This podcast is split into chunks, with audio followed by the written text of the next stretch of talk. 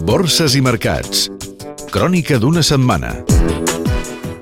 Nova setmana borsària negativa, marcada sobretot pels renovats temors sobre la crisi del deute sobirà a la zona de l'euro, amb especial preocupació per Portugal i sobretot per Grècia, després que l'agència qualificadora Standard Poor's ha rebaixat dos esglaons la seva solvència creditícia. També per la inestabilitat en el preu de les matèries primeres, per la incertesa davant d'una recuperació econòmica que perd força i també pels moviments corporatius, com ara la compra d'Escape per part de Microsoft per uns 6.000 milions d'euros en efectiu i per l'entrada del grup xinès HNA amb el 20% del capital d'NA Hotels després d'una ampliació de 431 milions i mig d'euros. Aquí, en una nova setmana de presentació dels resultats empresarials del primer trimestre, l'IBEX 35 ha baixat de dilluns a divendres un 2,3% i se situa en els 10.356 punts. Les empreses del selectiu han augmentat la seva autocartera un 44% l'any passat. Des de l'1 de gener, el selectiu de referència de la borsa espanyola acumula, però, uns beneficis d'un 5,05%. Cotitzades catalanes. Criteria.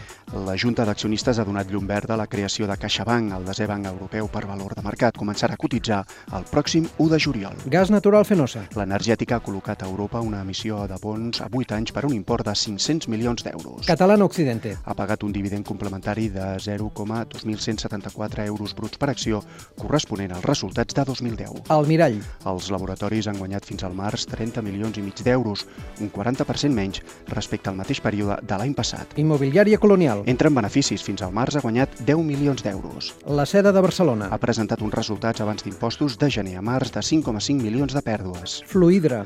Ha multiplicat per 9 fins als 900.000 euros els seus beneficis trimestrals. Fer-se energies renovables. Ha guanyat 2,1 milions d'euros en el primer trimestre davant de l'1,9 milions de pèrdues de 2010. Aircross. El grup químic també entra en beneficis després de 3 anys en vermell. De gener a març ha guanyat gairebé 3 milions d'euros. Service Point. Ha obtingut uns guanys fins al març de 64.000 euros davant dels 334.000 de pèrdues del mateix període de 2010. Doji. Augmenta pèrdues. La tèxtil ha perdut en el primer trimestre 2 milions davant de l'1,4 de l'any passat. Indo Internacional. El grup òptic, en concurs de creditors, ja no té cap fàbrica després de vendre la planta de Tailàndia al grup nord-americà Vision i Silins per 3,8 milions d'euros. Plàrrega Invest 2000. La Generalitat ha suspès cautelarment la cotització de la immobiliària a la Borsa de Barcelona. L'auditor diu que no disposa de dades suficients sobre el grup. L'euro. La crisi grega ha renovat la inestabilitat d'una moneda única que ha patit aquesta setmana la pitjor caiguda en 12 mesos i aquí diu que els temors a la reestructuració seran un pes feixuc per l'euro durant tot l'any.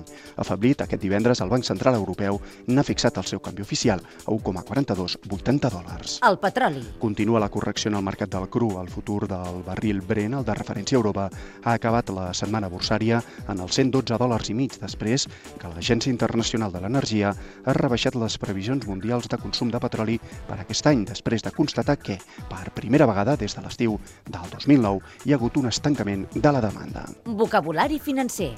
Què són els bons d'empresa? Són valors de deute corporativa a llarg termini que emeten les companyies per obtenir finançament. Es tracta de productes amb una durada d'entre 2 i 10 anys i que tenen diverses formes de rendibilitat, entre d'altres, un interès prefixat o un abonament d'interessos més capital al venciment.